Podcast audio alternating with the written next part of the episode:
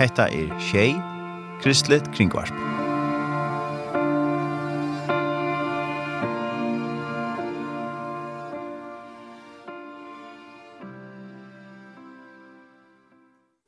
Velkommen til morgensendelsen her av Shay og her er Jodarsson i det, er Tar Erne Samuelsen, og vi får sitte her danstøymaner, og spela tonleik, og vi færre at Øysne får gest og Judorsona.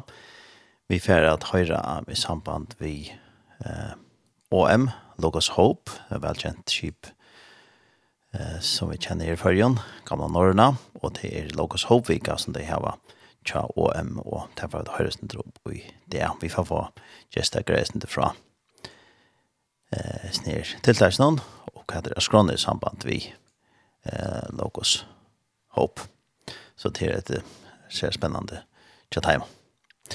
Østen færre vet at høyre om et tiltak som heter Teen Street Celebration, og til Østene OM som kjipa for tøy, eller Teen Street Førjar som kjipa for tøy, og Tavra Skråne eh, i andre kvall, lera kvall, eh, 23.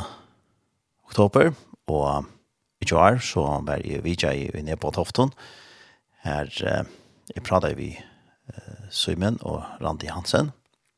Sindra i samband med det tiltak, så derfor er det også høyre om i det. Og så er jeg senda til innslag som er sendt i Gjørskvalde her av Kjei.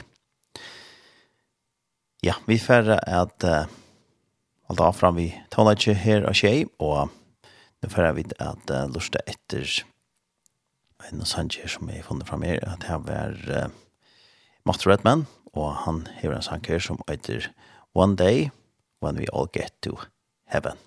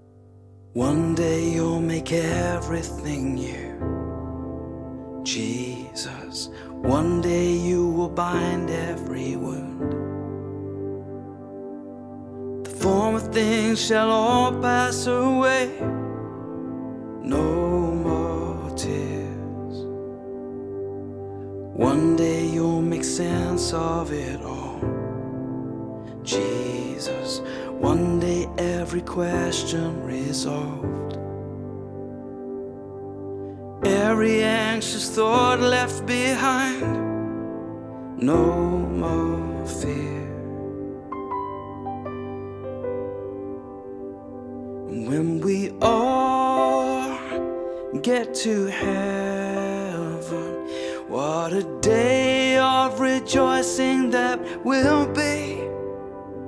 When we all see Jesus We'll sing and shout the victory.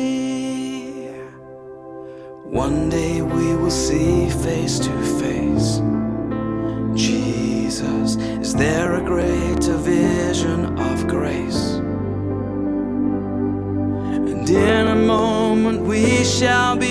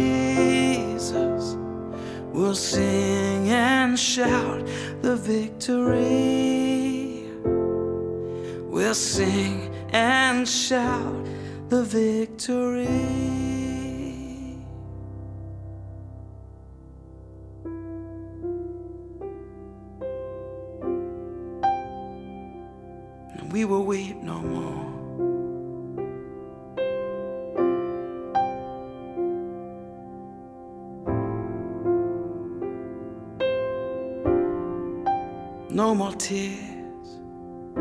No more shame No more struggle No more walking through the valley of the shadow. No cancer No depression. Just the brightness of your glory. Just the wonder of your grace. Everything as it was meant to be. All of this will change We'll see you face to face Jesus face to face Det var Matt Redman som sang en sang som heter One day when we all get to heaven. Ja, en dag blir det fantastisk. Da kommer han til himmels. Er alt blir bare godt. Og det er nok så ringt til Tjaken og Ymynd og hvordan det er at det bare er godt.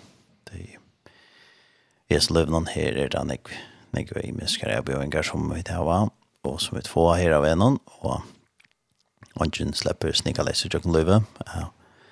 Vi opplever akkurat kjelt i løvnen. Men en dag så skal vi komme til himmels, og her er alt godt. Men det går her i løvnen til det vi kunne hava Jesus vi og i ødelen. Han er okkara viner og han er akkurat frelsere, og, og alle kunne fylgjast vi hånden, og han stender vi öppna åpne armen alltid til ene kvann om at komma fylgjast vi hån. Så färd vi till og och får lønne tja MC Röstorf, Sangan Avancher som han gav ut för noen år siden er det nu. Jag i 2012 någon, det är någon nekvar sedan. Her er en sanger av som øyder til nøyene skilt i alt.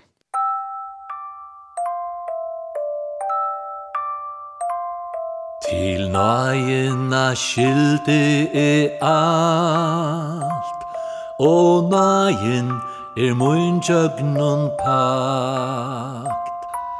Ei frykt, Tui me god hevur valt, ei svuikur, kvært han hevur sagt. Bann av eine brottnare lov. Ei langur mer koma kan nær. Tu Jesus er lutne og blå Tog sindina bursdur av mer. Ta verk som ui mer byrja er. Han fullføra vil til synda og ja Guds lyfter ta som me ber. Og ongan tøy svitja kan ta Kvært kjemur og kvæt er nu Ei naka Guds skapningi ui Kan gera til anches at du.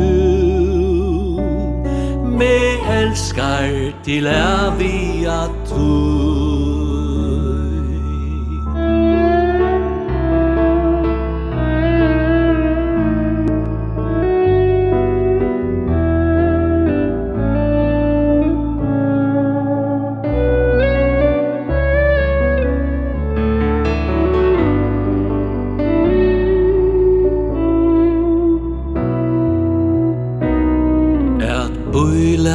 du der i hans hånd. Ei even sjål burstaka kan Å nei, ei neka kan sluta tei bond Som binda hans bror til han Ja, han som i elska i fest Til endan han gjer skal det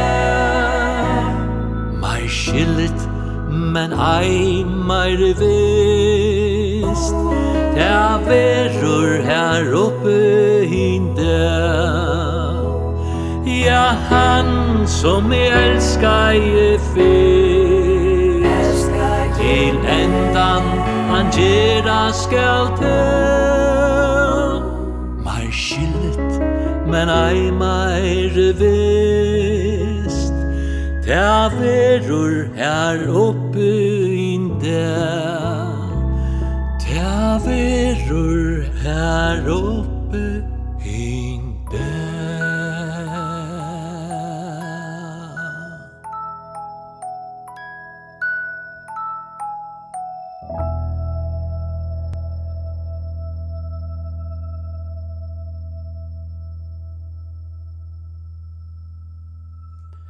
Det var MC Restorff som sang til nøyene skilt i alt av Lønne Johnson som heter Sangana Vunch.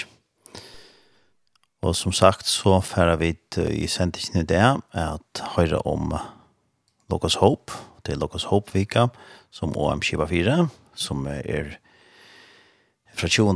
til 26. oktober sier det hjemme sine, om.fo, og vi får få gestjord og sånne greier fra Sners til og så færre vi til at uh, Lorset er nær samrøve.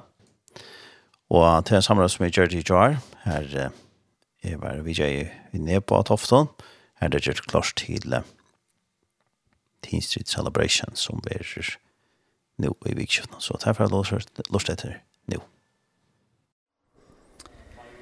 Nå er jeg stater og i Venepo og Tofton. Vi skal prate om tiltak som er nå kommende lærkvalt. Mm Og jeg har Randi Hansen her, og Øystein Søymen Jansson Hansen. Vi får prate i teipet om et her tiltak. Spennende tiltak som vi har skjående. Og det er samband med Tinstrid, som Øystein er snøy i sommer. Hei Randi. Hei Tor Erne. Velkommen av Kjei. Takk for det. Først for er jo Kjei. Takk for det. Jo, og um, vi får prate sin om et tiltak som vi er lærkvalde og Øystein om uh, en elev som er i sommer, i augustmåned. Hva er det for tiltak som vil komme å kveld? To um, tiltak i lære kveld er et tinsitt tiltak, ta øyter uh, celebrate, altså at vi liksom fakna til som er verre, og tinsitt i år eh vær liksom tre putt. Ta blir vi kick off 5. juni som var en dag, og så var det så levan, som i fyrrjum var skolan av Ergehamre, fra 4. til 8. august. Og så er det som den sørste parten her, eh, legerkveldet, som er The Celebrate. Og, og hese derfestingene til er nekka som er overalt i Europa. Så det er ikke nekka som vi har fastlagt, men og, og hette husgått vi at det er trøybort Det er kommet ur Tysklandet, og er det som er det hele.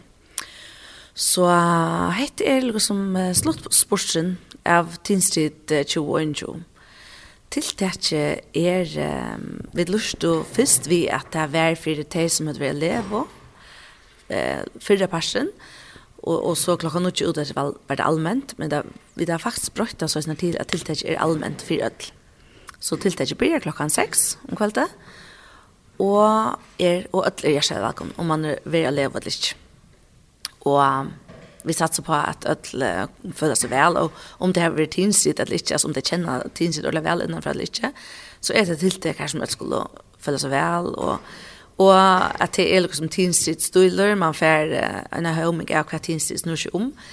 Og det är ju inte først og fremst uh, båtskapen. Og det er for at Lujast uh, tusen vær sommerøsene sintor, at det er en uh, produksjon som vi er kjent, hvis som er en gøyne halvann tøyma, vi undervisning, og undervisning av tinstrid er ikke en tala på 14 minutter, men det er øyla, det er storte båtskaper, og det er imensk folk som er det, og det er krytta vi danse, og vi låsange, og vi kappingkon, og alt mulig. Så er det øyne løtta til andakt, og tar man er av tinstrid, og er lever, så har man et liv, Og her, sjående kan det være som en li som kommer som li, eller parster av lion, og sjående legger vi opp til at de setter seg sammen. Men etla setter man seg sammen med tøym som man fylser i, et eller annet her som man sitter bare. Og Og, og en større part av antakten er det som er det spennende ferien. Her som folk sitter øynseres og fordjuper seg og gjør en bibliotekste og noen spurninger. Og, og det kan jo ødvare vi til. Og, og til er så sjøen det at uh, evne er et tavær om Moses i sommer, og og ta helt fram og det er vi at ha til er halda ferina sama vi gode og ta ta kunne alle som er vi skolt om det er en instruksjon til det som som man fischer for utan for det man er svær alle i sommer men det er som du nevnte uh, ta løtna som er man sitter for sjøen er det parter av hysløtna Nei, vi vi vi hugsa oss inte om vi skulle ha en en huslut och fisk självt med halt i ordla programmet lovde så vi kunde se vi komponerat där syntor. Alltså att det är en löt här som där är, är frihet och man sitter för självan. Men här är det så ganska helt konkret att du får jobba det och i och i som hör till andakna.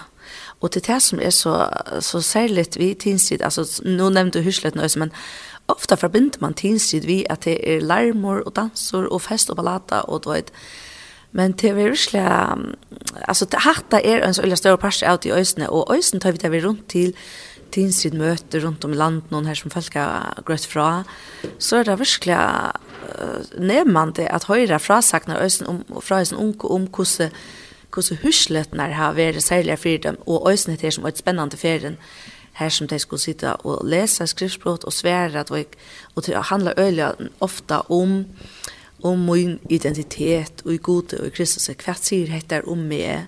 Hva, hva sier god om meg og i sånne versene og så videre? Og det er virkelig ting som kommer være vidla mynda til unge og noen ødel som er ordelig av. Så det er virkelig en viktig part av det. Ta et hæs og livet, og, og man hever, så, så tek man noe som ser man om, sammen med sin lije, eller vi tar som man sitter sammen vi. Og så er tronrom. Og det er særlig er det at tronrom eh, i førjen, verður strøyma, eller strøymt, eh, live ut til alt Europa. Og kanskje er stedet vi øyne. Og det er hit øyne, selv om hit er en produsera eh, sending og æren, så lukker som det er kjent, det er trusht play i fyrjun, vi er kjent i fyrjun, og, og så kommer det til live eh, låsang og nattene. Så det er ordentlig spennende. Og som et lite kuriosum kan vi si at de som manna Lørselbalsen i tidsid i Europa, det er akkurat förska Margaret, som var vi til førska tinsløslen det var. Hon, och så tror jag är det. Och de var vi okkon i fyrjon østen, lägvalt. De är kommen. ja, jag halte til komma komme i ja. Så det var stort. Så et spennende vikskjøte. Ja, og spennende kvöld. Det er bare et kvöld, og vi er ordentlig spent på det. Vi håper ordentlig at nekfer at komme og ta i kikka skulle det være, det skulle være kjeltene, og vi var så spent over å komme cirka samme sted som det er nå, og da kom så corona för på realt. Så vi virkelig har vill å bli etter at uh, det er känns for. Det må folk gjerne hjelpe bakom vi i øsene. ja, og nå er vi där vi är på Tofton til høstkveld, og det är då av råkast i Jack Lorst. Vi är nära timmar och ja, men takk for det Randi Tomma för vad gör. Ja, jag för vad gör. Jag gläder mig så att jag kan lära kväll det och alltså det är tinstrid men alltså Alle er velkomne. Jeg håper jo også at at de som var særsfolk uh, i sommer så er vi vana ordla så ikke at de også og også et lander hvis du vil så ikke hva tikkere bøtten var vi til kom og tror for å bo i Hjertelig velkommen Edla Strøyma, det kunne jeg også sagt hans, ja. Og vi satser på at det, altså, jeg er fun food og alt det der, det er jeg synes jeg var Du gleder kontakt for det. Ordentlig spennende. Det er, det er ordentlig godt. Men annars, jeg har det råkast her i nu i nekka tøymar. Vi er gjerne klart, og fire gjengene, fire gjengene er klart her, ja, nok vi er iver, iver, anna tøy, og sømmen. Ja. Hvordan gengit av vi fire gjengene til er til dette? Ja, hei, god kvöld, og. Ja, og velkomna tjej. Ja, takk for det, og, og til lukka vi nødt til å sende støyne. Um, ja, og folk er i ferie at sykna ferdig sånn rundt om ferdig land, og Ta det ikke man hører litt prat her på en tann? Nei, nei, vi er, vi er til Disney Fools. Ja. Så eh ta gång väl vid ett lat väl vet ikke, jeg vil ikke det gång vel, Det er veldig øyelig nekker utfordringer av en enom. Ett år det veldig väldigt helt allmäntliga. uh, utfordrande för jag kan öll och i tidsrätt lasslene. Eh och det är bättre fink vi vid hjälp från David och Dort och Jakobsen Södn och Hejen och Marion Paulsen eh, som kommer liksom, som en styrkur in i nevntene. Det har vi gjort det egentligen at vi behøver å kunne gjort dette i år. Eh, jeg tror at alle fire øyne i førjen, så har vi, har vi, är eller är har vi samma vi en en tuskara eh alltså projekt kan vi så innan här vid eh, Sipa för Law Science någon eh och till här är ner Sangren named som att känna i trontne. nu. Eh Jordan han kom på så vi kommer ju nåt sån eh eh, single nu. Eh, kanskje om en tvær viker kommer en nytt single ut. Eh, hun er klar, hun finner til Alpolsen og Mastra. Så eh, det er spennende, men, men som sagt, det er strave, og det er øyelig, øyelig, øyelig nekver støyner av henne. Men jeg halte til at, og det er det som er så lekkert, da. altså det er du, du står fatt av nødjon, og, og, og man sier, fyllt Jesus, erst hansere, så hever du han her innare frien, at, at jeg han sier hva du kommer med møter, så, så vet det at han hever han mening vidt, og han vet hva han gjør, han elskar meg, og han elskar okkon, og gaur i okkon, han anser et sunn bøtnon, og, og egentlig er det det som hever bor i okkon i jokkon alt. Eh, Hoksi om... Eh, det er en episode i, i, i, i halta fyrst og Salmans bok. Her er David fer, uh, David, alle mennene er vekk ur byen, og, og så leiper fortjende nå byen, og de tekka um, kvinner og bøten tja øtlund mannen, tja hermannen og David og, og kampanøy. Tar kom atter til bojen, kvinner og, og, og, og, og alle bøten er vekk, og David han sjående for panikk, hva skjer her, og fortsatt nu er videre vekk, og fortsatt nu er tid til akkurat bøten, akkurat koner. Og det var en øyelig mysk tog til David, øyelig, det var så, det var egentlig stendig, at det var så ekvislig for han, at uh, tar uh, vimmen er tjånen, eller hermen er tjånen, la det ram å drepa David, til at han er første ute, og ser avlokk og vannlokk. Og det som så egentlig henter er, at tar færre sted, Og David spyr god om jeg skal fære etter dem. Altså god, nytt av den ikke. Nytt av den ekka ikke mer fære etter um, akkurat kvinnen, akkurat bøtten. Eller er det, er det for sant? Er det færen? God sier vi en fære. Ja. Og det enda så vi er nekker fære av David som månen klarer å bjerke øtlån kvinnen og månen, kvinnen og, og bøtten atter. Og Jeg halte at det lyser så vel, og jeg sånn om Gideon, altså dømme han. Altså, det lyser så vel, eh, det trofeste som god hever, og så har vi et sort godvers i, i uh, Filippe Braun, som sier at, at uh, stor omkomfyrene lett i ødlån til som tykker tykken tørver, kommer fram for god vi avkattland og bøn vi tøkk.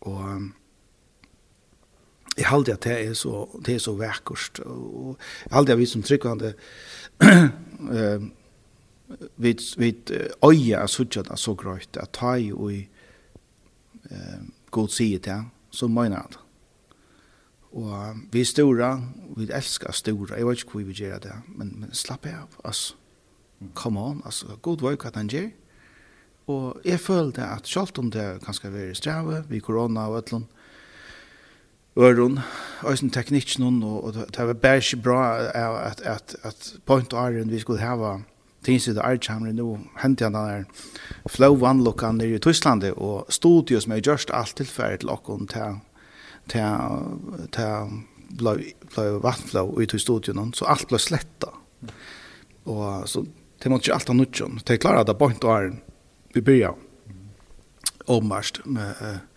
men men alltså det det ser bara syns om kos nej alla tog att det very av av teknisk kon trubblagon och var och en trubblagon men vi där mest så otroligt väl Guds lastlo i atlon och så han det är vi frustrerade i mitten och så han det där var akkurat åh det var ju där kom on alltså och det smar skältast och så där och till fot så ska det vara och vi och så tar man er här och vi var archamre ja men alltså jeg suttja hos god arbeid i folk. Jeg skulle suttja hos en ek folk venter vid til han.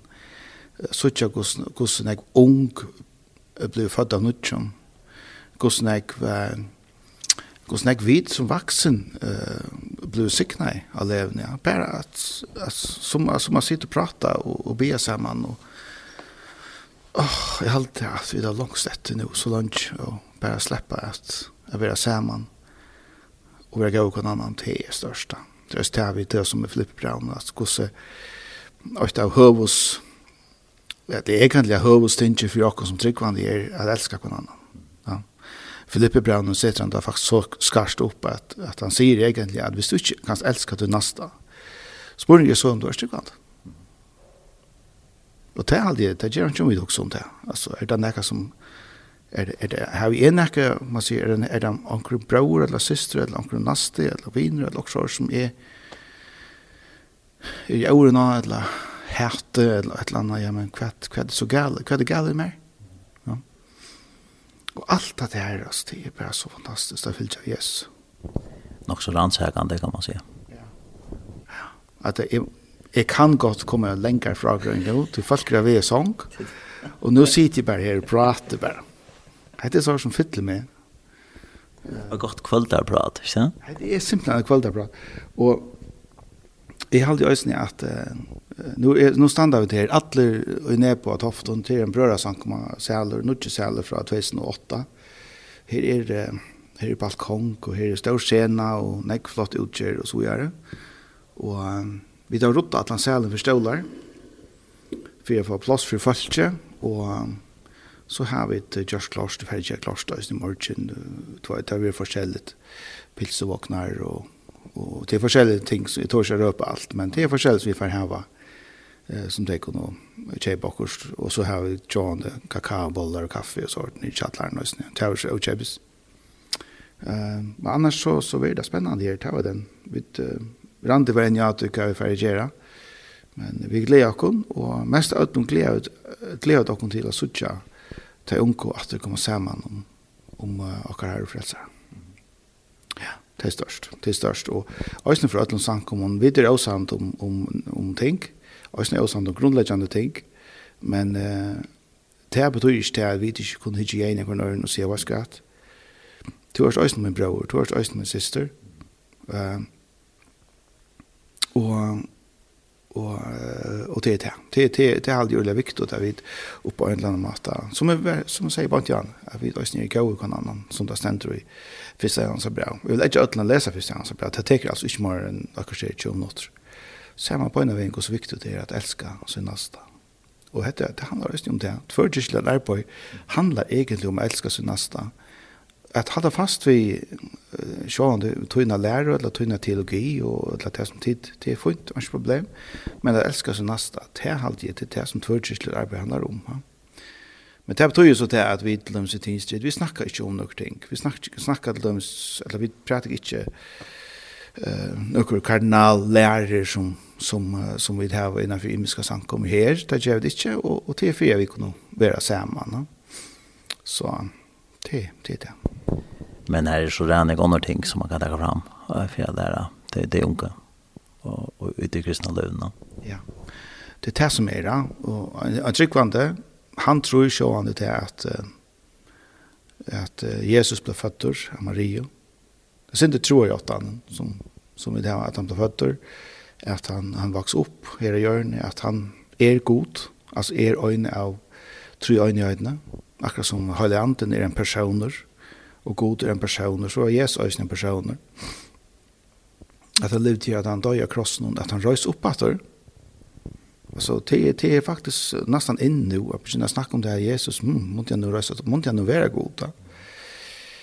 Uh, og det er sånne ting som, sånne grunnleggende ting som vi trykker, de som er og er, ja? eller hvis man er fødre av så tror man tog, ja. Uh, så, Och så är det forskjellige annan hur så hur så gamer packa in till till så där. Men det är att han någon kan leva som vi Jesus? Ja, jeg halte det er veldig viktig. Jeg halte, alltså det som Louise Tinstrid nog så väl det är till noen ting. Alltså det er oft är som jag nå, at att älska sin nästa. Att vi går och annan att respektera kon annan för det som som te er. Uh, Og, og øyne er det hessene langslen og er at ung skulle komme og kjenne Jesus. Altså, det er, det er, det er, det er så just det. Så er det samfunnet. Men så er det sannlig øyne en, en ganske øyne element som ganske ofte vi glemt. Ganske ikke er lærer deg, men, men av ah, tidsitt levende, det er at det er disiplin. Altså, vi tar disiplin. Altså, vi må vi løper inn av det om, til unge om hvordan man oppfører seg, sammen med øren, altså hvordan man er og så gjør det. Det er aldri viktig at vi som eldre er og øyne kunne gjøre det. Og så om synd, altså, simpel den.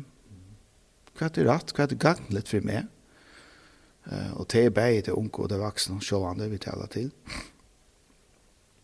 Så, så tidsstrid er en sånn leva her og vidt uh, um, innskja at fytla til unge vi um, vi Guds kraft, hvis man kan se det så.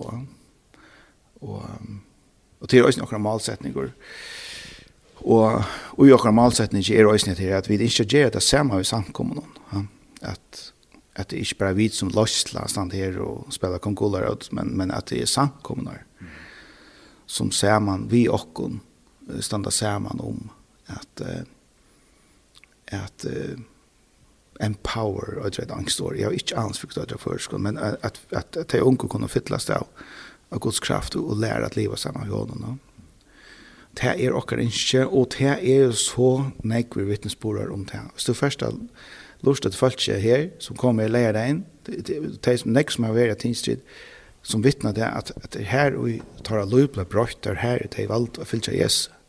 Så det är en öjlig avvirskan av Guds av förra folk, förra folk, förra land. Um, så ja, jeg, jeg er glad for, jeg føler det som et og er mindre størst privilegium at god kan bruke med og rante og just nere arbeidet. Og, og vi tar et døyligt samstarv vi, vi, Andreas og vi akkurat nevnt, så det, er, det er virkelig døyligt. Vi gleder oss til å føre gang til 22, 18 år, heter det. Ja. Ja, det som Sean kjenner til tidsid, det er en sånn leva som pleier å gå i i Tyskland, og så Sverige er i det siste tve årene, men uh, for en år siden da var det så kring åttjene at det var smare lever, og så var det så store lever som var åttjene med nå i sommer. Men um, måneden av tog ut levende i sommer, og de små og de store, hva, hva er det? det var ganske høvesmånen är han att at levende fjører kanske inte ikke atler så tvørkirkelige. Og det er okkar ikke. Altså, vi inte at, at det arbeid som vi gjør av i tinsri skal være tverrkirkelig, og det skal være så at alle ska kunne være sammen. Uh, og det er en så viktig parster der oss nere at vi uh, vi satt og vi, nei, vi må ha øyne leve, og her er vi kommer sammen og, og ta ut da, ta oss om, synge om, synge om og synge til, til god sammen og det halt jeg, det var en rett avgjøren, det var fantastisk, og altså, jeg møyne da, altså. Jeg suttet, for altså, vi var her i kvart fyra det dager, fantastisk, jeg suttet der unge dronjen her, hvordan gar, garvittler det er, og, og råkan i fjørene, og bulter og bræk og så, men simpelt hen så fitter, og, og og bare fotler av løyvi, altså. Jeg kan bare ta seg for dronjene, jeg var her nok snakva, og men øysene jentene, jeg suttet hvordan det er, blomstra av oss när levene, og så går så går det var rekvariera och så fører det var så kan jag inte här så att när barsen skal føre bo i natur og så kom det atter, og det var fantastisk å sitte oss og boskapen som som ble bo över och det var det var største opplevelse, og, og ja ja jeg kan bare samarbeide vi vi i Nesvig og vi Sarepta eh ta go ta go levnar som är här västra det var ju fantastiskt och det bara en tvåkyrklig nivå i så ja, nu var det själv här av levne och helt annan fantastisk upplevelse och så vidare här och såna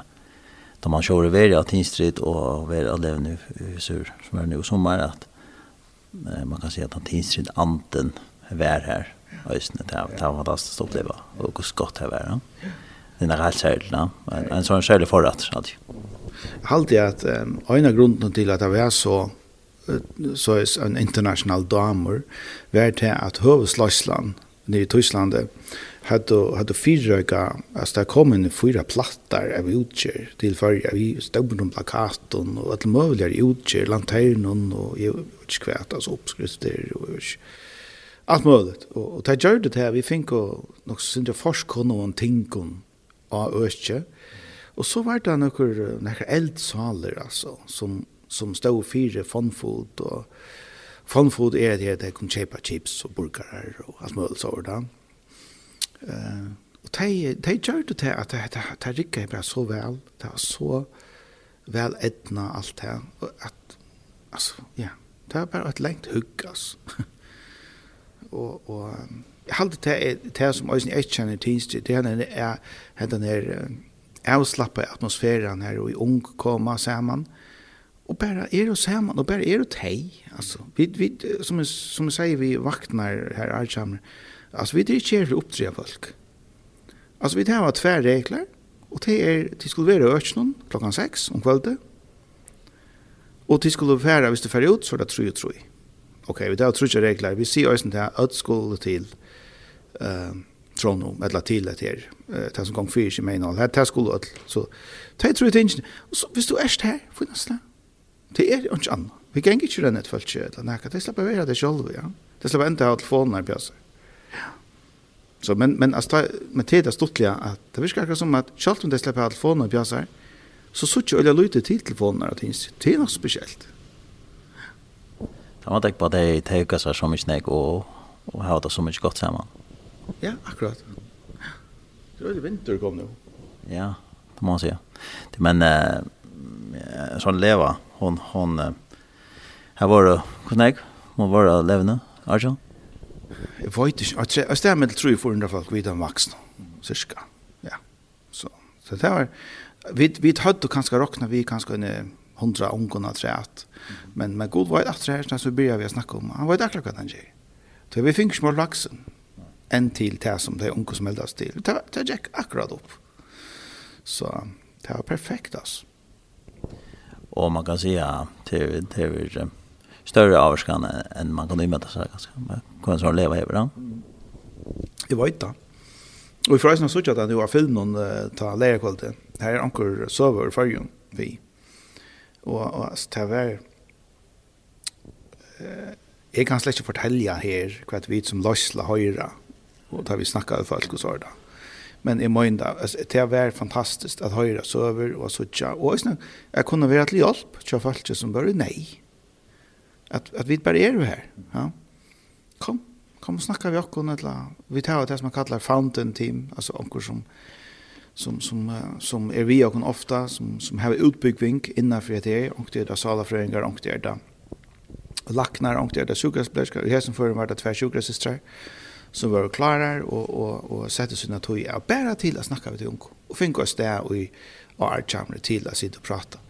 Att spela till att kunna vara här fyra till unga och och vad vi går ut där ja här som det är och acceptera det så som det är. Ja. Och igen att hus med nu och snä så har det en brofyr snär att här var så ett forum som är där som Teen Street att släppa uppleva god annan något och det kanske det blev avskrevet hos någon år och, och bara sociala med, medierna som är det och och att de kröven som är i det till det unga ja? så så är det väldigt gott för dem till att vara samman. Ja, det er det og og alt som er halvt i øysen til, det er at det unge kanskje har ringt ved at uh, det kommer av Teen Street, er venja seg vi at faktisk pjøs og slett ikke at, at vi er noen annar. Alltså faktiskt är det finns sådan vara to att det är Och to älskar och to to har en färg i himlen som älskar det. Ja? Och och det är ordan. Ja. Samstund som vi eh, ösnen lära det att det är något ting som är känner att antrikvant. Och och är du inte tryggvande eller är du inte födra nudgen, ja men så ber jag ut efter att du ska bli födra nudgen. Och det är bara god som kan frälsa det det er ikke noe vi kunne gjøre, og vi är inte bättre än grannar i Brövers. Jeg håper jeg vet kanske vi sen vi sen en tryckvande at det er nice för sen sinta i minne så han det det sier se først i hans brev, at vi skulle sinta minne. Eh men uh, men uh, men alltså vi be efter att god ska komma in i Louis Charles. Och till och boskap och det är alltid att till kanske här ute i omkom eh blösen puff eller så. Ja. Det är ju okej. Eller ja, för i himlen han älskar mig akkurat så är mer. Och det här mest jag vet ofta att det unga ganska har skällt adresser på. Så kommer det att tinsrid och höra att att att Jesus älskar mig, ja. Så det som är er, ja. Och ganska en tar vi kallar omkring. Det är fantastiskt av vittnen til. Altså. Men vittnen til er god arbeid til er et privilegium for jokken alle. Ikke bare kun drøy, for alle som er vidt tidsrid, og det tog i halvdige av vi har alle som følelsene som, som hjelper okken, at lømme seg i det, fullt av følelsene er på i alle det, så alt er ordene, rutta og såret, så blir det alltid annet kveld og fyrer og alle leier deg inn, øyne fullt av følelsene. Hvor? Ja, det tog det ikke til henne her, det er ikke så ikke ung, venter seg til Jesus det, det är bara störst. Mm. Fantastiskt. Så en spännande kväll. Eh, la spännande där blir det. Ja, det blir det. Det blir en, det blir en spännande dag. Uh, som står är nu så så kör man det, hvis man är hvis man är sjuk och HN så ska man inte komma. Annars så håller vi ett allmänt tillmälde kvarts i morgon eller minna. Så så det är allt som vanligt och och hvis man är sjuk och känner så så ska man inte komma. Eh Annars bara vaska händer och spytta och, och annars inte. Alltså bara uppföra som folk alltså. Och, och jag drakk nye det være et, et godt kvöld. Vi får uh, utländska gäster øsne. Mm -hmm. Det var øsne spännande. Det kom uh, opp scenen, och flere av dem. Og det er att vi slipper streamer i førgen til alle verene, det er, det er størst. Og det er stått til å suttje. Det er endelig å fylle via Facebook-søgene til Teen Street, Teen Street Førger, og øsne Instagram, Tinskritt FO. Endelig. Ja, ja, det er størst. Så lærer kveld til klokkan 18, blir det. Jeg vet ikke om du tenker lykke at du er skrona enn jeg forskjell. Ja, altså klokkan 18 uh, møter vi til, ødel. Og så klokkan halvkon tjei, ta byrjar Tinskritt. ta sørste dævren av Tinskritt, som man sier. ta fjore dævren. Og ta mot at vi er inne, tog ta vi nekka helt særlig surprise, det var premiera og alt mulig. Så, så det, det er viktig at folk er her ta. Da kan Holkon, eller klokken seks, møte opp ta. Og så var det at han har til løtene, så var det det som en antakt, eller det som vi kallar uh, Big Adventure. Her folk sitter ganske i balkon, eller fysisk sjølvan, og prater sammen. Og vi tar enda prenta et andagshefte til deg, bare til å gjøre det. Så de får öll till ett sort häfte som de kunde sitta och, och fördjupa sig av löt. Och så tar det eller ut. Så verur uh, det som vi kallar throne room, och ta tändrar streamingen. Så, och det är allt enskund, det är inte för skon ta. Ikke en gång till tälna från scenen. Allt var enskund för att skulle skilja det. Så vi sända lugga från Tlömes, i Israel, sida ung och lusta. Och enda kanske i Amerika. Jag kan ju från Tinsrit International för att döjla och Så, så det er, det er spennende. Og så tar jeg til Eliot 1845 minutter, cirka klokkan kvart over åtta eller short. Så vil vi pausa. Og ta kunne folk kjøpe seg en hotdog eller det som vi har skrånne her ta. Vi tar pilsvågt. Jeg råkner ikke vi vil ha tinsreburgeren av det simple grunnen av vi da ikke finnes folk å gjøre det. Og, og vi klarer nekv, men vi klarer ikke alt. Så och det fallet som var då att instrit sommar det fick inte tyvärr eller kunde tyvärr inte komma så. Men eh, och så var pausen och så satt ni kvällt i house out eller vi bulchen att det har ett eka tron vi försk och sankon och rockan fjörne. Det har vi kanske streamat det försk och tinsit så inne men inte allt så. Det har vi bara då det första. Så fyllt vi att tinsit för er äntligen. Här här här för forskjell den vi fyrir snabbt tack väl. Och så klockan i Voitish att när jag löt så ända vi och så kunde folk kunna så ända att trätt och hade vi börjat packa hemma så cirka om ett eller Så det är så cirka skrajen. Men jag hade som du nämnde att till det så tilltag så ska den jobba vakt till och sen till levna som är sommar så jag på allt går så det spelar tid tror jag som är nämnt men men att jobba väl ja. Ja, det blir slett till. Altså, det blir slett till. Alltså det här är det så størst, og det er så äggosligt at vi kunde överhuvudtaget inte gjøre det. Vi kunne ikke gjøre det. Det er for øvrig. Vi kunne snakke og ringe, og marere og spille og sånt. Men altså, alt det som lømmer seg gjørs nå, nå stender William Markad och Jelio ser och rockast programmerer og ikke det där Og, och Lewis den så men han har ju gjort fullt av fältet vi har gjort att inte inte ställa nere i kvöld og virka sidor nu i i studion och Jack Lars og, og det här är astfalt Her langt vi er fullt av hølsvinka, og i det. Og så er alt hitta træt, altså. Ødt som bakar bollar og kaker og hjelpa til og gjør mæt og ja. Ja, ja. Det, det er størst, ja. Fantastiskt. Ja, men uh, jeg vet ikke du er nækka sier træt til sust. Det går så en, en stor tøkt til at det som har hjulpet til, går så for at, at det vilja oss nere vel vel hjälpa till. Det är fantastiskt så där. Man går då signa dig, vet du kan läsa. Ja. En gång snakke alle natt hvis du vil. så så sier bare til, da du styrer med høyre på mig. Det får nog gå något andakt fra der nå. Ja. Vi leser, leser en salm her. vi min salm. Jeg minns da jeg var liten så pratade pappa min og sier vi i min lärande psalm något annat och det här har vi prent inn i det unge, ofte tar jeg över tälla så har vi nevnt uh, for den unge hvor så viktig det är att lese ting åtta nätter Og vi tar det er også noe som vi då görs nog snägga av i Teen Street att rena ett av de til å lære seg skrift och åtta nätter og skriften skrift i Salmer 8 sier sälor er med og sälor är med at det er mer enn bare glæver. At det er mer enn bare haha du vet happy eller beatrice eller så «vi skora vi er glæver». eller «jeg finnes noe en bil eller oh, jeg fikk hatt anlegge, eller oh, da gikk vel at hinstid jo er, eller så er snett, og så er man ordet glæver. Hette heter noe annet, det heter sæler. Altså, det er en djup, djup, djup glede om det som hører meg fire. Noe djupt, noe, om man sier, hva det hender meg, så er jeg sæler, aktot. Mm. Um, sæler er maver, maver og kvinna, og ikke gonger i rai henne godleis ikkje stendra vi sintara, og ikkje situr her spottar i sita. Men hev glei sina i lauharans, og grundara lauhansara, bægje det og nått.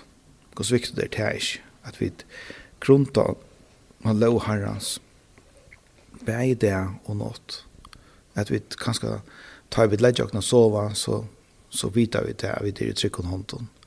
At han er tjåkon, og og at um, Det er at vi grunta og han, det er mer enn bare at du sitter her og og jeg skal lese om at, om at, men at, det, at det er gypsjen til at det er noe som er mot, ja, det ligger som det synes i årene når du først er grunta, altså at det er min grunt, hva er min grunt, hva er det som jeg kan lage høyt til mer etter, men gruntar og lov hans er bare det og nått. Og så stender det i verset, han er som tre platta i vattsløkker, og Vi bør avvoksa inn av røtten tøyma, og som bløyene ikkje følger noe.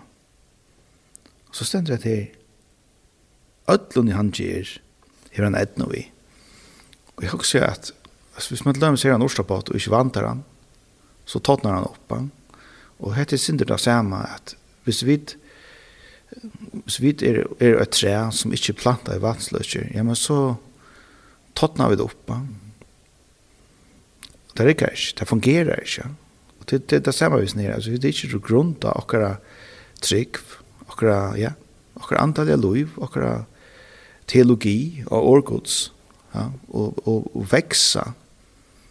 Altså, det er særlig nevnt i det, i 2021, han har møyning om alt. Alle han har møyning om alt, da. Altså, det er kristendommeren, det er veldig fatla, snakk om sint, det det er kiksa, det er regulært kiksa, altså, det hatt det sint å gjøre. Og enda folk som sier seg at tryggvande sier at, at ting som obvious er jo sint samtidig årgods, er ikke sint. Og, og det er helt spesielt. Det, det, det er helt spesielt at vi har i det her i her i trø i høvers er planta i vannsløs, man ser det tydelig ut ut av tådnar oppa at båskapen er så grunner til det blir bare i har meninger Og her er det så atter, første Johannes brev, og jeg nevnte det nå, tror jeg for. Her, her han, han skriver første hans brev, nemlig til sånne folk som egentlig underminerer eh kristendomen underminerar det som har vi synda gera. Och nu passa. Mandan nu hm nej ja och till nämligen akkurat det och det kallas gnostiker ta kallas det och vi där kallar man agnostiker jag vet inte vad det betyder men det är det vi att anker heldig seg vera klokere enn du. Og sier, nå, ja, nå skal jeg fortelle det her, hva det er halte. Og, så snakker det grulig enn jeg, men det er ikke fra bøyblene, det er bare hva det er halte. Og, men problemet er at det er ikke, det er ikke grunnt av vannsløtjer. det er ikke, det er ikke en den lærtjen som, som bøyblene er, som det er grunnt av sine meninger. Og så sjøen så er det ikke alt. Så er det angresen fra. Hvis det ikke er fra gode, så er det fra omkring Og det er det som er så alvorligvis nere, at, at, at vi øyne ikke er bensk for å bo an til.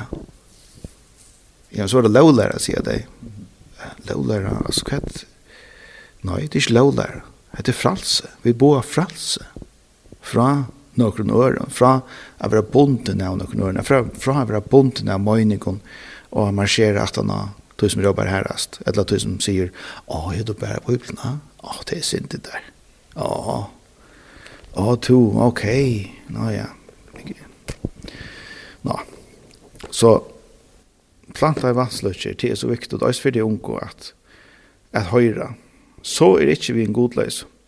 Så stender jeg, nei, det er som dumpa i fyker for vinden, og hvordan det ofte høyre vi ikke det. Så sitter onker klauker og sier akkur stod i udarpnån om hvordan forferdelig kristendommer er, hva han har gjørst, og hvordan dømt og alt dette forskjellige. Ja Men problemet er at dagen etter, men så er sannløsene en annen. Du har heimeren, sannløsene i heimeren brøydes alle tøyene, ikke bare, ikke bare så noe som korona. Ja, alt brøydes alle tøyene.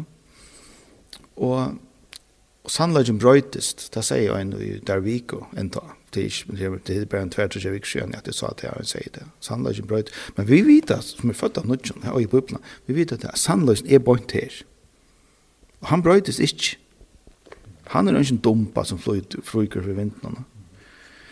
Tøy vera godleis, ikkje standan i dømnen, og heldur sintar i samkom rattvisa. Og det sørste verset sier, Tøy herren kjenner løy hina rattvisa, men løy hina godleis endar i veleis. Det vil si at god kjenner okkar løy. Han void hver er veri i morgen. Han kjenner, jeg har en kolaflask standan i, han vet akkurat hvordan jeg bobler og i. Ja? kan prøve å åpne i halvtid nekker etter. Ja. Han vet akkurat hvordan jeg var og gjør. Han vet hva jeg gjør i morgen. Han kjenner mine ideer. Han har enda talt haren i høtten og kommer ikke til at det er nok ikke noe bedrift i seg selv. Så var det det. Men uh, han, han vet akkurat kvært og hvordan og hver jeg kommer fra Og det er det som jeg aldri så vekkert vi, vi i Bibelen, at vi kunne godt sprella og råpa og grata og alt det forskjellige. Men god er god. Jeg har aldri, at nekka folk som har en møyning om alt, altså det er skilja slags det. Altså, god er god. Han djevet her til en andadrott. Ha? Altså, han djevet her til et hjertasle. Han har skapt det og sett det her i hjørnet til å fylle kjål. Og det er det som alltid er så viktig å minnes i det, i 2020. Og han er omsorgen for økken. Og han går igjen. Og jeg synes det er så lurt her. Nå. Hatt er andakten. Fra en lakfrøyns i kveld. Ja, men jeg får takke deg for det.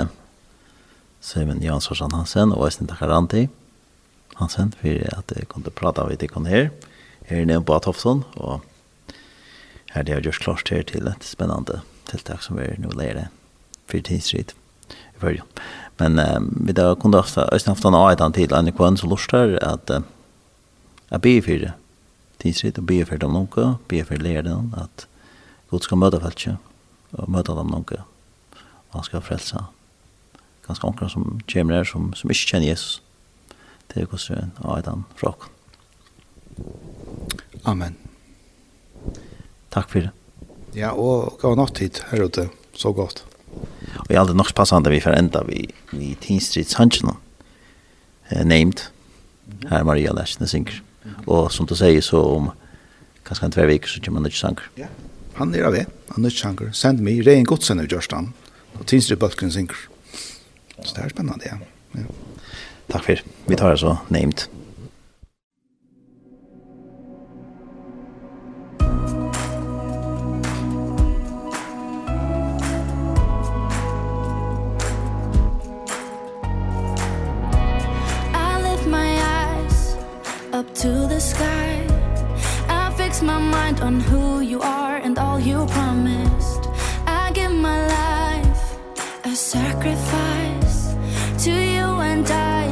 to go where you have called me.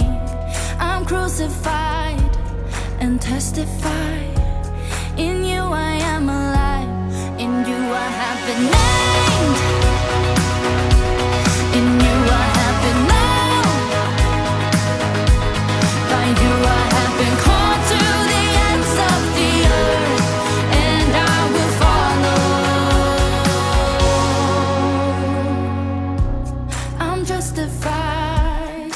Jesus Christ. I say goodbye to all the things that separate me. I set aside my selfish pride And pray that I will grow to be all that I could be. I'm crucified and testify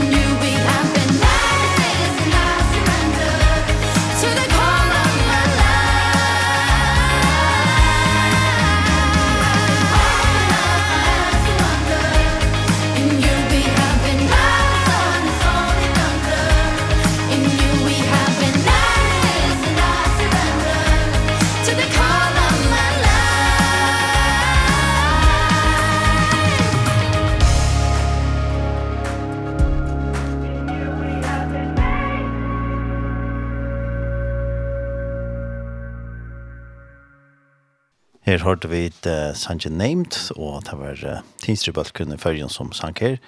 Så har vi Maria Lesne som er i Solerøttene. Og vi hørte samrøv vi Simon Jansson Hansen og Randi Hansen sinter om til det ikke Tinsit Celebrate som vi er raskrande nå kommer til lærkvalt i andre kvalt 23. oktober fra klokken 8 og døtter og i Nebo Toft. Og til å kunne deg mer om et her inni av Tinsit Førjer Facebook-sidene. Så her får de flere opplysninger. Vi færer til et lortsanskje, og skriver i her. Deildar at henne datter, vi har virkelig sakna det, kunne de huske meg at Horst Onkran tja Karsten Danielsen. Takk for helsene, og jeg har også funnet en sang her tja Karsten Danielsen, som heter «Vær tja mer Jesus». Musikk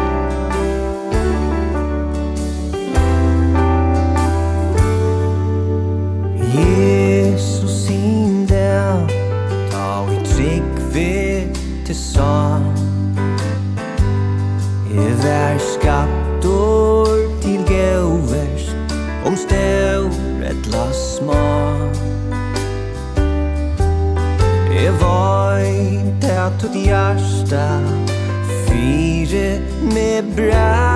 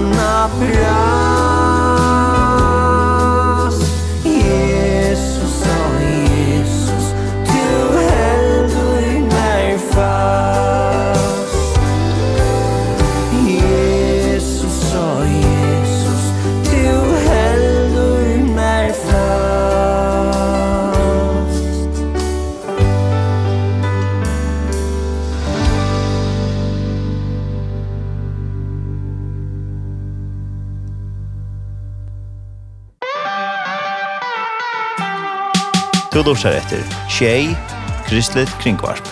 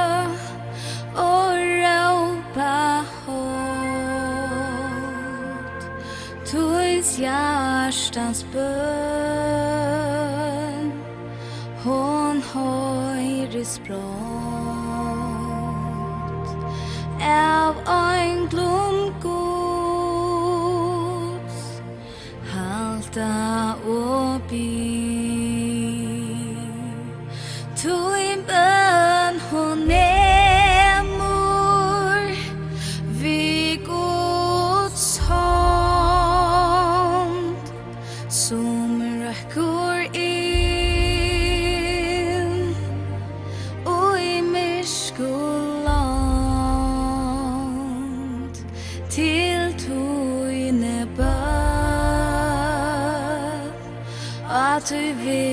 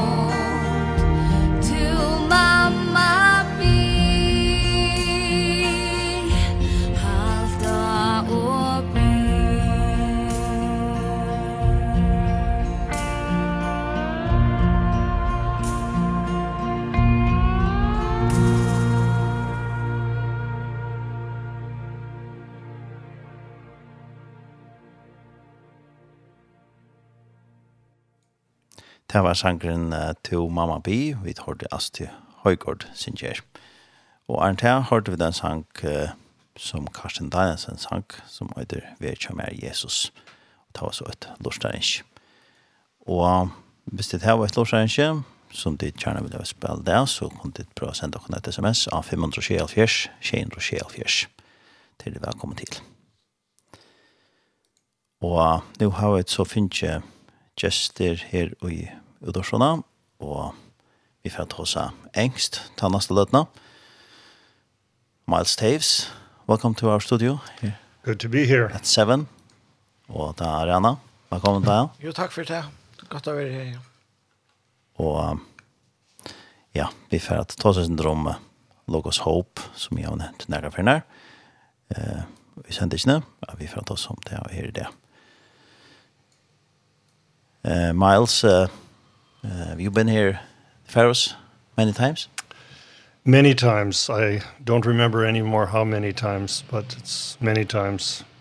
Jag vet uh, ofta i färgen nu. Jeg minnes ikke helt hvor ofta, men, men det er flere färger, ja.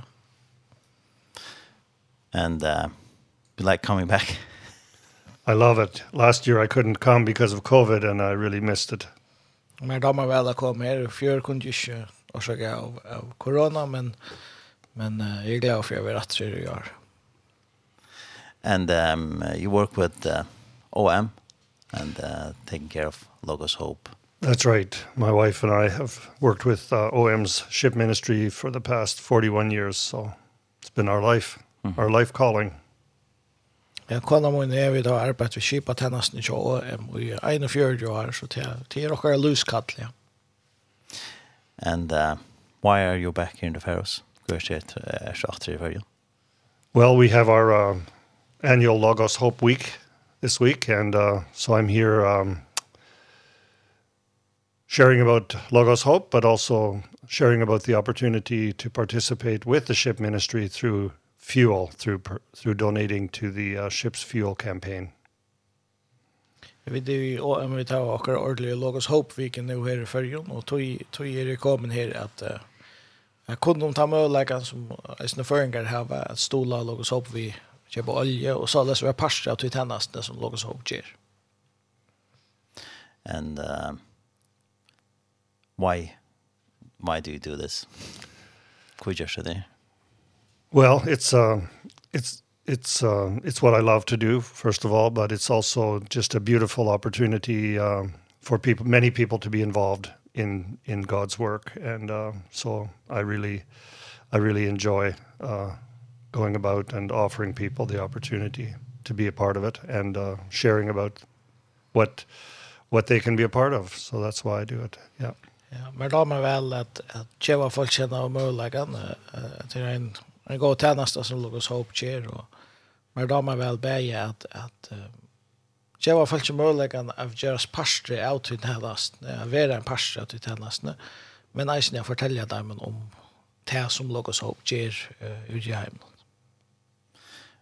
And uh, uh, is it is it needed to do this job? Very much, very much, and uh, especially now that uh, the ship is going to be can start sailing again. You know, the last year during um, COVID, the ship was it was not completely stationary, but they weren't moving the way that we had normally done. So we burned less fuel last year. We needed less fuel, but now we're we're moving to West Africa, crossing the Atlantic from the Caribbean, and uh we anticipate we'll be on the move again, so we'll need uh we'll need we need to fill those tanks. Det är ett uh, störst arbete, jag tror mycket arbete, till att um, det kräver olja att dräga skip. Och nu det senaste året har vi gått nog inte silt som det som som vi det väntat eller attla orsaka corona så vi där lie uh, mera vi havn. Men nu börjar vi datter vi färra eh så sjes så får vi ett första rum Atlanta det här var ur Karibiska havnen ut till Afrika. Så nu må vi fylla tankarna efter. So um, much fuel. much fuel, much fuel. How many how many how much money do you need for the fuel? Well, a lot. We need a lot of a lot of money for fuel because it is our largest single expense in the ship ministry. So um it's a it's a significant total sum, but every year we we try to raise uh, a good portion of that here in the Faroe Islands. Mm -hmm. So people here understand the need for fuel and uh, they understand about ships, so it's just a, a beautiful opportunity olja er høvesutræslan tja, tja skip nå, åtta niva. Og ta krever nek, krever nek pengar men uh, her i fyrjon, her skilja folk til.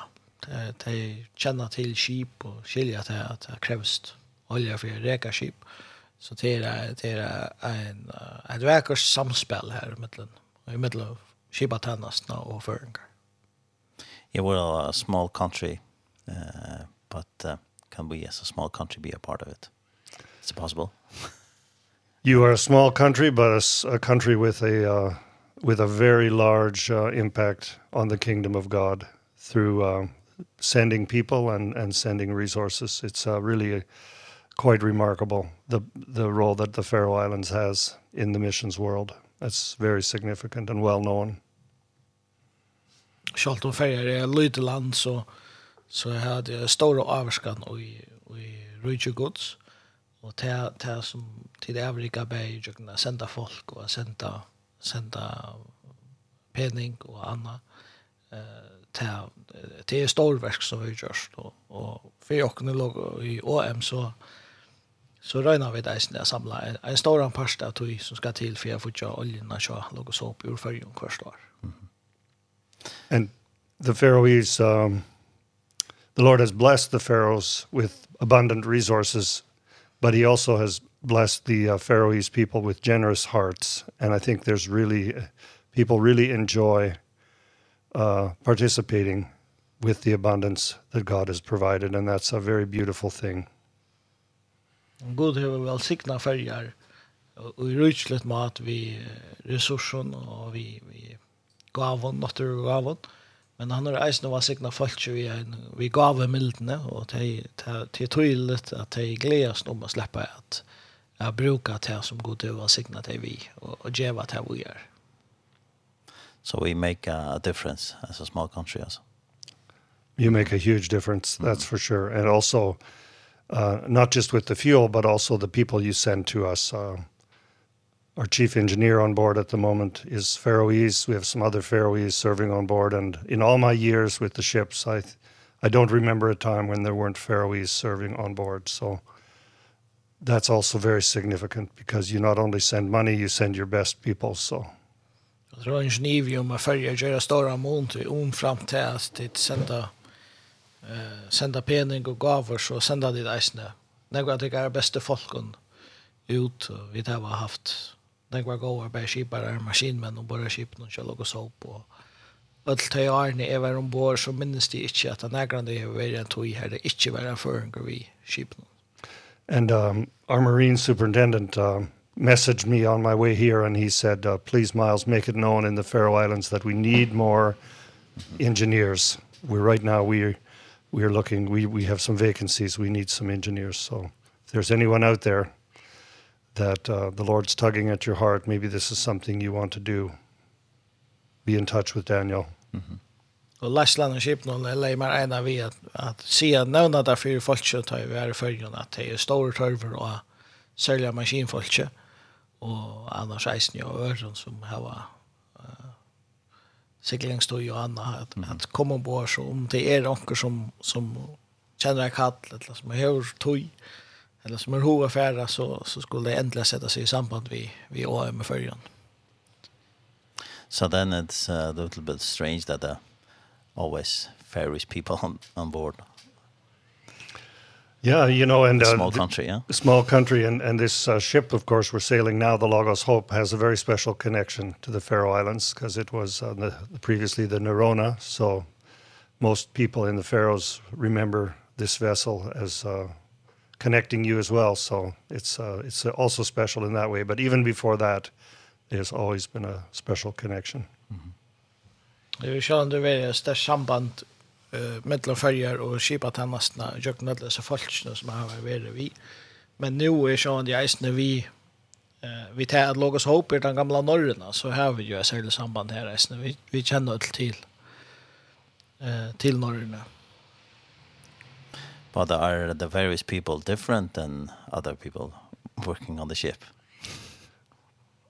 They are uh, they are um, they are different. Uh, they're uh, they're very hardworking, uh, very faithful. They're they're used to uh, not things always being easy, especially the seafarers, you know, they the seas here are not always smooth. And so what we find is that uh, they're very well suited to the uh to the work on the Logos Hope, and they find it very easy compared to what they usually do. So that is remarkable. Mm. Yeah, I think that stands out. Föringarna är Föringarna tar arbeid hash da de kommer ombord og tar tar donalier och men det er snö vänner vi at ting inte gänga helt som där skal. Eh showmännen som kommer tar här är vänner vi cyklar norra Atlantshavet och den här er kör alltid slatter kökor. Och det som mest at det er at for, for den kvar förung då så viskar det som om att att att arbeta bara alltså opp til er latt og imot til det som där vanliga gör det det ser mest ut her, ja. So uh and uh do they have a reputation also the various people?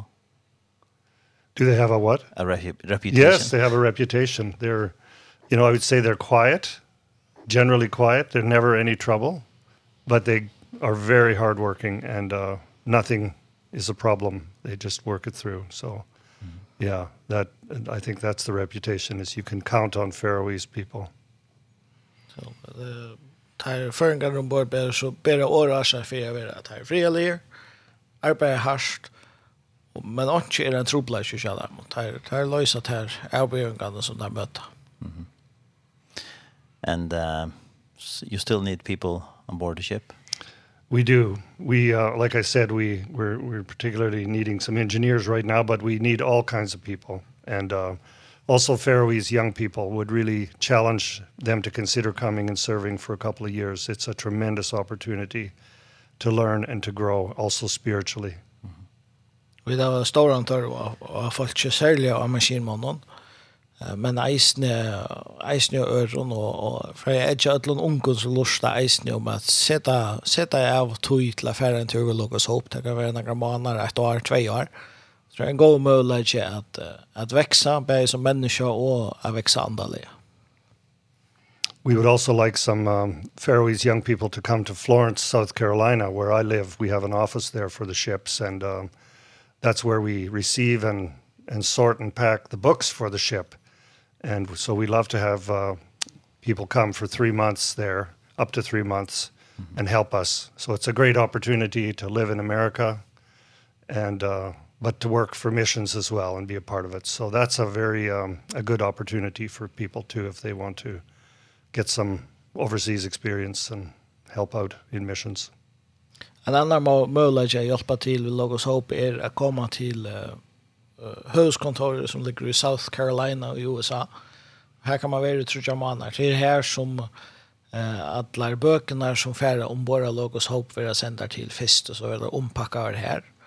Och det som så möjligt att undgå folk uh, uppleva USA, bygga här noen måneder och annars att arbeid i mission samstunds. Before we um, go further about uh, Logos Hope, uh, how can people be a part of it uh, and, and uh, send money to loggas upp i fjol. Daniel, I'll let you answer that, okay? Ja. Yeah. ja. Yeah. Uh, om folk vill jag Vi har vi ju i hästen här uh, insamlingar och attention chocken till Logos Hope så kunde det göra en flytting till och en färger och, och bara vi märka till till uh, olja eller till Logos Hope så ska vi sända det vidare. Kontonummer till finna till och uh, för en hemmasyn och om.fo alla nyaste står här är kontonummer. Jag kan ens läsa det hvis folk ja. har hotla för efter en penne och papper. Mhm. -hmm. så kunde det här nu så ska jag lycka eh jag kan tydla finna det fram. Mm -hmm. Annars är det till ett kontonummer som är i bättre banka. Det vill säga att här börjar vi 1,5 1 fors. Så är det 426 219 2. Altså 91 426 219 2. Så kan man göra, man kan göra en engångsgave, eller man kan stå en fasta flyting, manarliga flyting, og det er det nek som gjør at jeg flytter alt ur holdsrusskronen om mannen opp i opp i negra och om mannen, alt etter hva det er før fire, hva man har hod til och och engångsgavnar til det samme så alla uppfattningar hjälpa. Det det er så leis att det kostar Det kostar nek å sikla Logos Hope at og fram. Det kostar nek at hava Logos Hope öppet här og der vi, vi, i havnen nå. Um, man sier til at det er en dæver om bare Logos Hope. Altså, det her skip i kostar 11 000 kroner. Men det sværer til en 4-5 kroner per vitjande som kommer ombord. Så. Mm -hmm. Så om man om man tjänar flyting på 100 kronor så är det vad ska jag säga det är biljetten för 20 folk att släppa om bara låg hopp att vi tja. Så allt kör mål. Allt allt kör mål. Alltså jag var så uppåt. Ja. Om det lite lite stor uppåt. Ja. Och sen där vis man kanske ger en fast avledning så är långt inne kör det uppåt så. Det gör det helt säkert. Det var ett år att jag säga människor löser små äger, gör det stora äger. Ja. Så sagt så en jag hemma sinne om.f här kan man så finna ett kontonummer som man inte har haft möjlighet att den i nu. Ja. Och man ska vi märka och så olja eller logos hope olja så eller så så mitt man får vi där rätta stäja. Ja, där finns det där. Ja. Och om man glömmer det så får det aldrig till med sjön i alla fall. Det där, där finns det. Nej, det. Michel. Ciao. Ja, ehm Miles ehm we talked about uh, giving money to this ship and then it's uh, welcome to uh, uh, small amounts, uh, big amounts, everything is welcome for the ship. So Absolutely everything is welcome. We uh, we know that it all works when everybody does their part and uh it's all significant, that's for sure. So mm -hmm. we many people give small amounts but we also I will also go while I'm here around to companies and and talk with business owners and invite them also to uh, to purchase fuel for the ship. Mm -hmm. And and we do that through some uh, contracts that we can offer them, mm -hmm. which is very unique because um they can uh, agree to purchase a certain amount of fuel and then we um that is then supplied to the ship by FO Oil here in the Faroe Islands. So the the money that is given by the donor actually goes to the oil company and the oil company delivers the the oil mm. to the ship. In this case, it will be in West Africa or in the Canary Islands. So that's that's a pretty cool connection. That's the only place in the world where we raise money like this directly mm -hmm. through the, you know, through the business community and the local oil company. Ja, som so. sagt, det små alla alla gåvor gör emot och te ta i öll tar i vid öll gera och era att vi kunde avrika stor ting. Ehm men samstundes vi vid här hette Atache och och heita folk kommer stå lockon så så färdas vi där runt till fyrtöcker och viske och och be till om stola. Här har vi den avtalen vi eh här har vi den avtalen som är att att vi samlar penningen till olje Så företagna binder sig så till att köpa för en av oss upphatt och ta upphattna tan upphattna vi så sent till FH i förrjun och FH veiter så olje till något så här som här som har fyra bunkrar om det här. Och jag är det allra helst eller hes för det allra helst i västra Afrika eller av Kanarieöarna tar en kemer här och i, och i mars nästa år. Och Og det heter en en, en særstøk avtale som som vi bare har i følgen, at vi at vi sålla samla från og, og vi samstarver vi et oljefälla by lies. Mm -hmm. That's wonderful.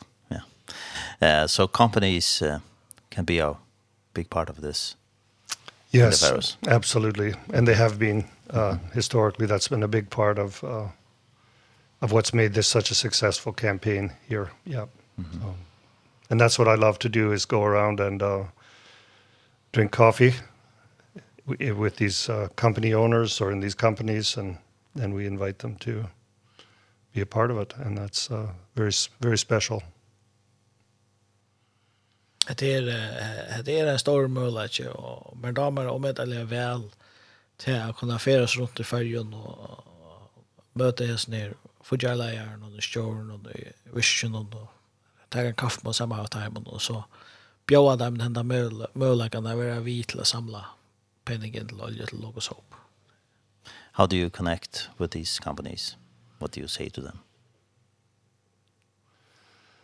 Well, now that I've come for many years, uh, many of them, you know, we have a, a strong relationship with. They expect my visit and uh, mm -hmm. welcome it. But it's always through somebody local that mm -hmm. makes an introduction, like Daniel or other people that I go with. and uh, I I don't go alone. It's always with a local Faroese person and it's just a visit, mm -hmm. a conversation, an invitation. And then they decide if they want to be a part of it or not and that's that's good that's the way it should be you know they're the stewards of what God has entrusted to them and uh, we we consider it a privilege to offer but it's also their privilege to participate if the Lord leads them to. And you tell them about the mission. We tell them about the mission yeah, and what their what their investment will accomplish. Yes. Nu har vi nu har er det kom till färja flyg och är så nu nu känner jag ändå vad så folk nu och jag finns just det samband vitt det.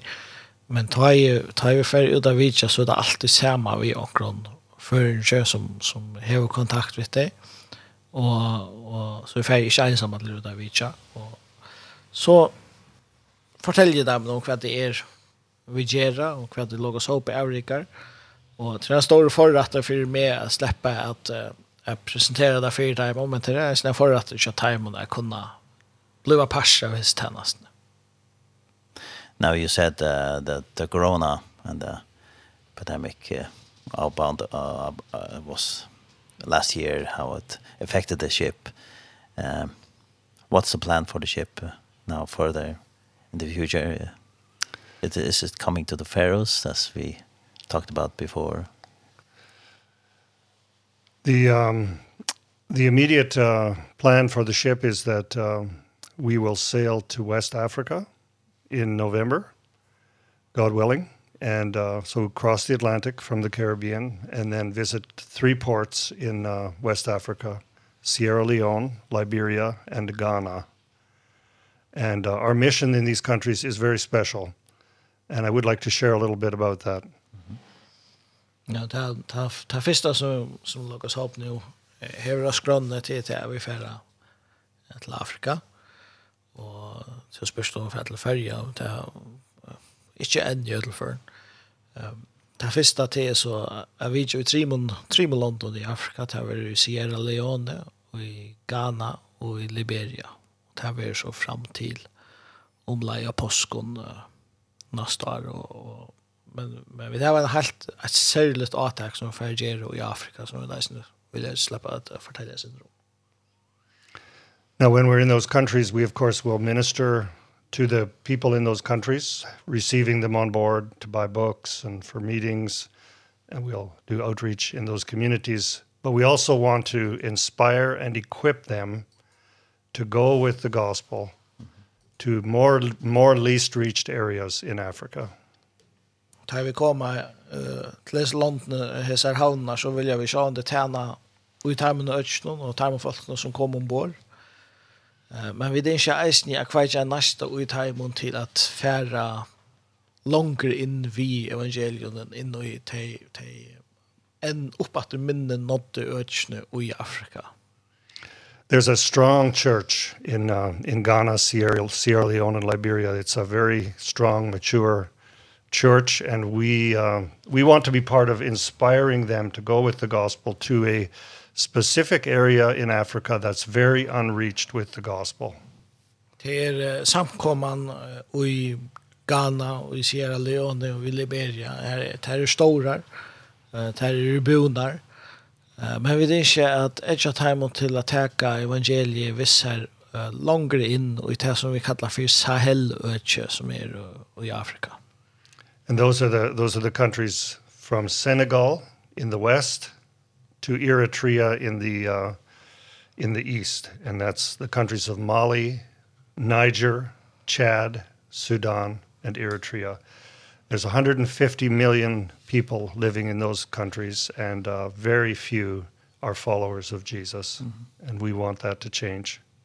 Sahel løtje ta stretcher seg ur Senegal i Vestrafrika över til Eritrea og i Østrafrika altså ur Atlantarhavn i Reihavet. Og til er det økje som som neste vi ender touch i Muskland som vi kanskje mest kjenner fra Tøyen noen til Mali, eh, Sudan, Nigeria, Etiopia. Uh, her bygger vi 130 millioner folk i hans nødgjøn, og øyelig få av teimen er det tryggvand. So um, there's already a movement in these countries to go with the gospel into this area. We want to come and, and fan those flames to be a catalyst to see even stronger movement, and we plan to recruit Uh, we're in the process already of recruiting 40 plus Africans to join us. Mm -hmm. We will inspire and equip them. Many of them we trust will be led of the Lord to invest their lives in in some way in reaching this area. Det er det er långt jag rörsla och i och i hästne kristna afrikanska land om att nå ut lätt öke och det som vi inte vill locka oss är att uh, uh, blåsa liv i tar nästan som är här. Uh, det som vi vana till är att vi kunde få en fjörde afrikanare som ville binda sig till affärer in i hese jörtsna Så det kunde komma och bara låg oss hopp uh, och gärna tog. Uh, bliva upplärd här, få avvänjning, få ja, få imus tål som de kunde bruka och göra. Och så att hese så färre in i detta Sahel och att bo evangeliet. So we really um, we really want to see the reality of life change for these people in the Sahel because we have this beautiful life of Jesus in us. And our brothers and sisters in West Africa have that beautiful life of Jesus in them. Mm -hmm. And we want that for the people in the Sahel and uh we we can all be a part of that. Mm -hmm. The people in the Faroes can be a part of it by sending the ship and their ship can be a part of it because in every meeting we will be talking about this we'll be inspiring we'll be equipping. It creates energy it creates movement. People are called. Ter um, vid incha att det ska vara en lovsprötan uh, för för Jesu falsk nu så helligt alltså vi vi har Jesus är lov och jockon eh uh, till tryckvandring i västra Afrika till här Jesus är lov och i ser Og vi ikke at, at veida til til deg, ta mølaga til deg som er i Sahel og ikke noen eisen. Og det kunne vi til følge noen eisen vi er parser, ja. Uh, vi at senda Logos Hope om han her. Logos Hope vil en parser at du gjør til at ødlom møte noen som vi teva og ødlom Uh, öllum tiltøknum som vi teva, så fær vi da tåsa om enda tørven som er i Sahel og Øtsnån, og blå vi at, ja, blåsa loivet han nestan, og så lesa folk uh, få få vit om törven och blev kallad till affärer inne i kyrkan. Mm -hmm. So the visit of the Logos Hope to the Pharaohs will have to wait a little longer. but um, hopefully in the future it will happen. So vi kjenner ikke Logos Hope til fyrja, homa, boja, sindra, men vi våna en it's going to be exciting when it comes. Yes, it will. Yeah. It will be exciting. We're spending the time, Jimmy. Yeah, we're all excited. I was planning to be here with it last we, when it was canceled. I was so excited about the ship coming, but yeah. then yeah. things changed. Att ladda den värre det skulle vara här ta i ta i logsopp skulle till förra i april i var fjör nej. Jag minns inte. Det är 20, ja? 24, ja. Hard to remember. men men det blir ikke nei. Ja, yeah, but we know it sometime in the future. Sometime in the future. so um all this talk about uh, giving money to oil uh, we know it's it's uh, very needed to reach out to all these people. It's very needed and it's um it's it's about something greater, something more. It's not in the end about money so much, it's about what will this help accomplish. Mm -hmm. And that's bringing the life of Jesus to people. And that's the most precious thing. And what a privilege that we get to be a part of that. Mm -hmm. Det snur seg ikke nok om pengene, det snur seg om til å kunne veite folk mulighetene å møte Jesus. Og at, at, at ja, jeg skaper omstøvende for det. Ja, as you talked about, uh, it's very needed for all these people. It is, it is. It's, it's, a, life, it's a matter of life and death. Mm. We know that. Mm för hese folkene som som ända sjå och hörs så är det en spårning om och liv är vi en liv alla det. So very it's going to be an exciting time for for Lux Hope and, and it all will, these people. It will yeah. be. Is this uh, different than uh, all, all uh, the other trips they have done? Do you think? It is different. You know, uh, through this COVID time, I think that all of us have experienced uh it's been different. You know, the Lord has stopped us And sometimes we need to stop. And in the ship ministry, we were stopped. And that gives you time to reflect and, and to think about what you're doing instead of just being busy doing. And I think the Lord impressed on our hearts, we need to stay longer in ports and go deeper. Corona to in, hon hever, hon not jokna steg av, og, og og akkurat hatt så er det god som, som hever har nødt dere til å stekke av. Så man må stekke av ångt og, og, og huske om hva det er man gjør, ikke bare være opptidsen av å gjøre det man gjør. Og det som vi, det som vi mest til det er god, sier vi dere at, at vi må være langere i hver jeg er havn. Og, og vi må fære gypre vi til arbeidene som vi gjør og i hver jeg er havn. And the ship has a part to play But the ship is not everything. It's not the end. The ship is just a tool in the hand of God. And uh, we have this role of being a catalyst and a center for training and equipping. And uh, and we must do it together in partnership. We if we cannot we will not be effective alone, but if we do our part, it can be it can be very successful. And that's the, that's actually true for all of us. We're a body and uh, it's also powerful when as a ministry we realize it's not about the ship. It's about our part in the body. And we must come al alongside and support and help and equip and encourage. Mm -hmm. so sheep la sheep are region er our area itche the end the end of all we at least here here bara at toll till att nå mål like lodren sheep noterar att att en kvichare att vara en at edja dem kristne til at fullføre sine oppgave.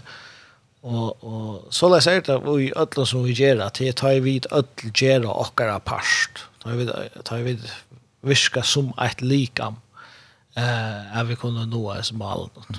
Och och minnas till det här att att skip i USA är er inte mal men det, det är han tjenest han skip i gjør, den fram. So you have uh, needed to make big differences and like changes in in in the ministry the ship ministry but with the absolutely. One. it's been a it's been a transition and a transformation and i think we uh, the lord there's a great excitement and anticipation of what you know what how the lord may choose to use us as we go forward with this clear focus with the rest of of OM and the rest of the body of Christ. It's It's not about the ship, it's about seeing vibrant communities of Jesus followers among the least reached. And that's what God has called us to do in the Faroe Islands, in Africa as a whole with our teams, and the ship plays a part in that. Og det som vi ikke gjør til det er samstar vi lokale samkommer, samstar vi uh, folk av stenen at nå er som mal. Det er ikke kjipa vi kjenner som er enda mal, men det, vi kunne sammen, altså kristne følger kunne standa man vi, vi kristne i Afrika, vi OM, vi ødlom fellesskapen til OM, og i at nå er visjonene som er ikke å få logos opp til Afrika, men at, at sette av stån uh, fellesskaper av, av, eller samkommer av folk som fyllt Jesus i etter æresten i heimen. Mm -hmm do you see like uh, see that God is in control? yeah. Anyway, uh, because of the, all this uh, COVID and absolutely, like absolutely, mm -hmm. yeah.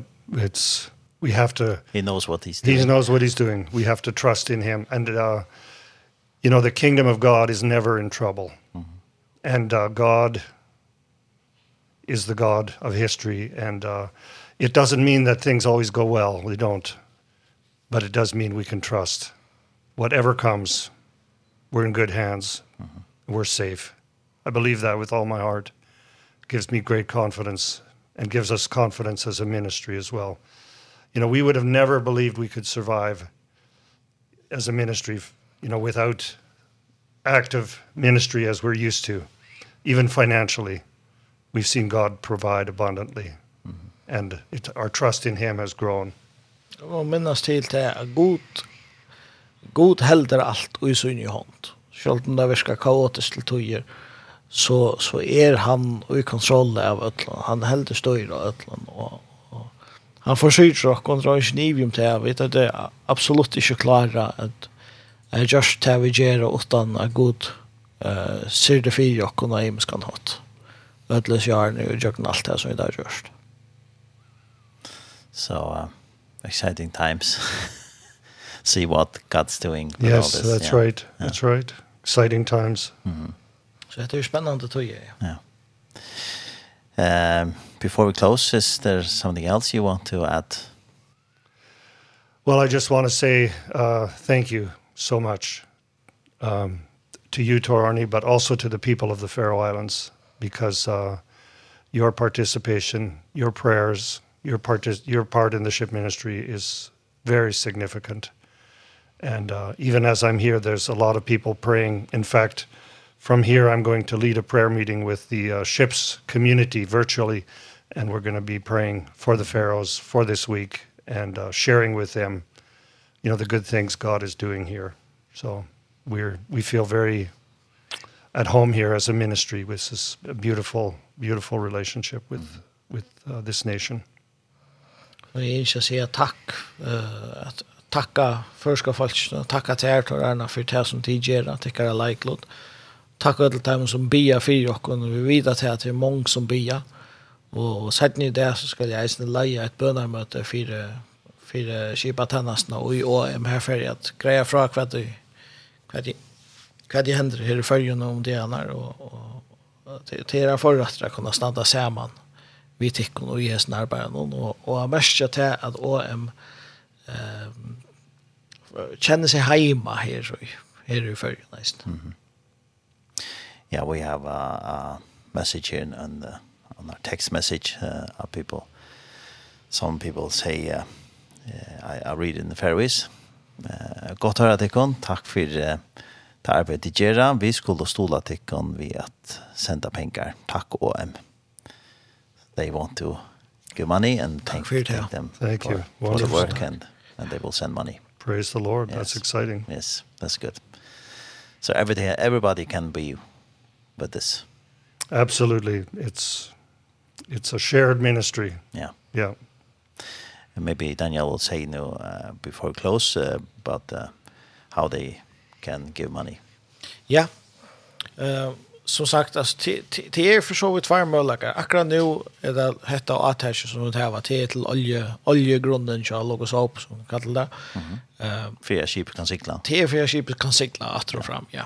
Eller så, ja. Och, och till som sagt, till er flytta pengar och kontona till OM 1,5, fors 426, 200 och 19, 2 Det stender annars hvis man fer inn og om.fo, så fer man helt ned i botten av søgne så stender det her. Så kan man vi mest logos hope olja. Så fer det her. Så kan man eisne Uh, nu har vi greit fra om jeg ser her afrikanerne som vi inte får ombord i samband med Sahel-ötje. Här kan man så eisne stola vi att uh, kjenne flytingen og samkontoina. Mm. Så kan man skriva Sahel, eller Afrika, et något short Och så så färre pengarna eh, eisen i här. Men som sagt, oavsett vad du skriver så, så ända pengarna i mission och skriver du Logos Hope så, så färre pengarna till Logos Hope. Och hvis folk ivas så i hvordan jeg skulle gjøre et eller annet i Kjølefunda, og det så kunne jeg alltid kontakta deg. Det kunne alltid kontakta dere. Uh, atter inn i OM.f, og her finner de det meste som de bruker for, for jeg få sammen med meg.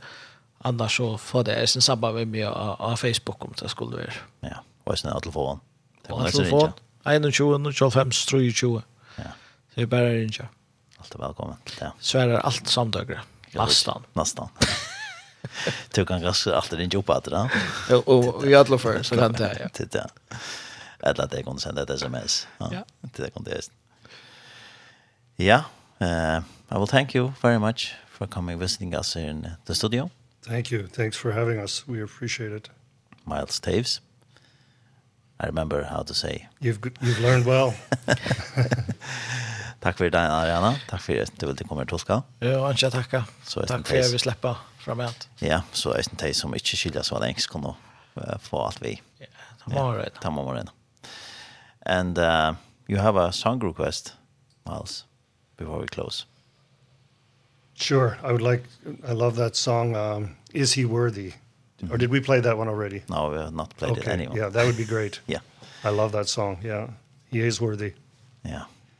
Is he worthy with uh, Chris Tomlin? So we fellowship Chris Tomlin. So thank you very much and uh, may God bless your work and have a nice day here in the Faroes. Thank you and you Talk too. So nice.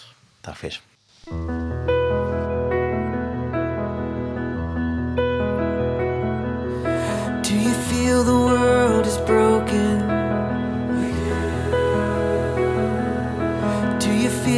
shadows deepen But do you know that all the dark won't stop the light from getting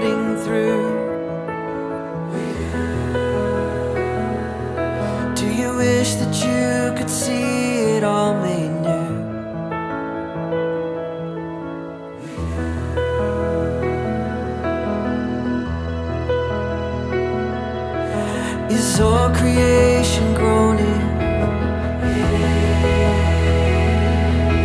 Is a new creation coming. Is the glory of the Lord to be the light within our midst. Is it good that we remind ourselves of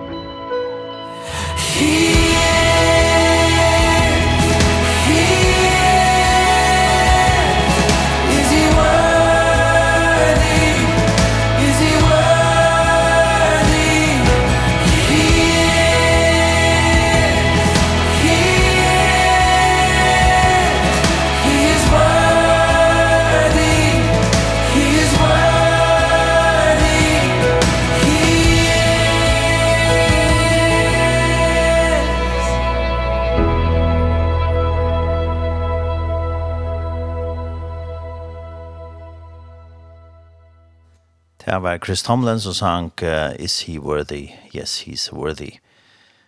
Og um, dette var så sang ikke som uh, Miles Taves fra OM eller Lucas Hope som har vi kippa til hans Nigeria til OM og han er vi jokk nere i dem og sammen vi Daniel Arena som er vi tolka for jokken og det er samband vi at det er Lucas Hope-vika og har det samlet penger inntil olje, så at uh, skipet kan sikla, og at det ser større tørver av at uh, penninger kommer inn til det, så at skipet kan gjøre den misjonen som, som det ikke.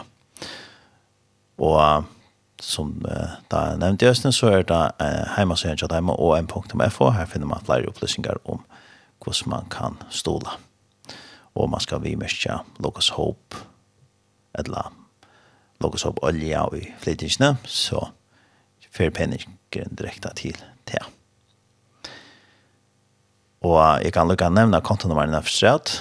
Det er 1,5 Fors, det er altså i Bedre Banka. 1,5 Fors er registreringsnummer, og så er det 426 219 2. Altså 426 219 2. Og jeg var så oppad, så er alt kærkommet til dette arbeidet. Tja, Og han er så nå i Nekadeer, og vi kjær Miles, og, og vi kjær i vei Jesus han kommer, og sånn i mye fyrdøkker som gjerne var vi være vi i sånne arbeidene at stod da. Eh, og lukkes håp. Og som han tar nevnte i Østene, så fer skipet i Naston, altså da kjøsene mot i Afrika, og vi er der neste halva år. Og her er tørren, ser jeg større og derfor er selja leggja denta at vi tja Sahel økje som er større, størst økje tvers om Afrika, bare sånn av fyrir Sahara. Og så, og vi tog fyrir da vi tja østene Sierra Leone, Liberia og Ghana. Og vi til fyrrjum kunne østene være vi at BA4 snir arbeidene til større tørre østene BA4 til arbeidene som er gjørst her, og det er østene bruk fyrir falsk ombord. Så det er fantastiskt det det gjør. Og en sanger som er snill passende at spela, vi har et lorsen kjøttret, men som skriver, hei til Arne, kan du spela bedre båtskapen gåa tja sangbrøver? Ja, og han er snill passende om at bedre den gåa båtskapen, og den beste båtskapen som er til er om Jesus og alt det som han har gjort for oss. Så vi får lorsen sangbrøver bedre båtskapen gåa. Musikk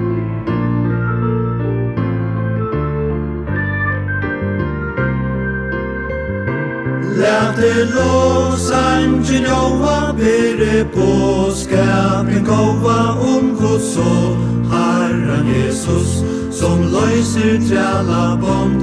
Læv til låsen Løysa kjøtt skal morgon Ruisa bere på Skapen gåva Til heimsins Jesus. tråd Jöknum ölder hava herrans menn og kvinnor brotus lov Færi ut i lånor fölkastö og menka fjæra tjå Omsett skrifternar til fremman mal og bore løvsins hår Om ta frels og som kan brøyta løv og kår Læte lovsang til lova bere på Skape gova om Guds og Herren Jesus Som løyser træla bånd Læte ljøsene lysa kjøtt skal morgon Rysa bere på skape gova Til heimsins sist og strån Prysa gode Fyrir tei og i tåg og tøk og truar sti Så at båskaporen beste nåt i åtjar varar vi Fyre åre summa egnon maur male joar fruit Fyre kvann og truir og eier løyve nord Lærte låsan tjilova pere boskapen gåva om Guds son Herra Jesus som løyser træla bånd Lærte ljósen lysa kjøtt skal morgon rysa pere boskapen gåva til heimsins Jesus råd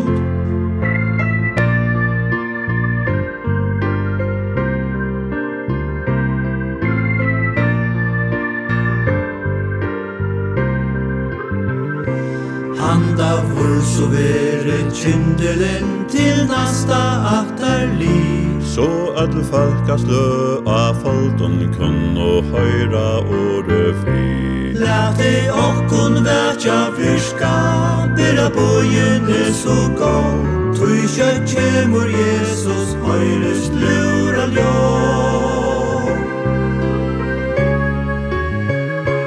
Lät ei lås angel byrre på skapen gåa om Guds sol Herren Jesus som løyser træla bånd Læte ljósene løysa kjøtt skal morgon rysa bere på skapen gåa til heimsins hist og strån Til heimsins hist Kristus land.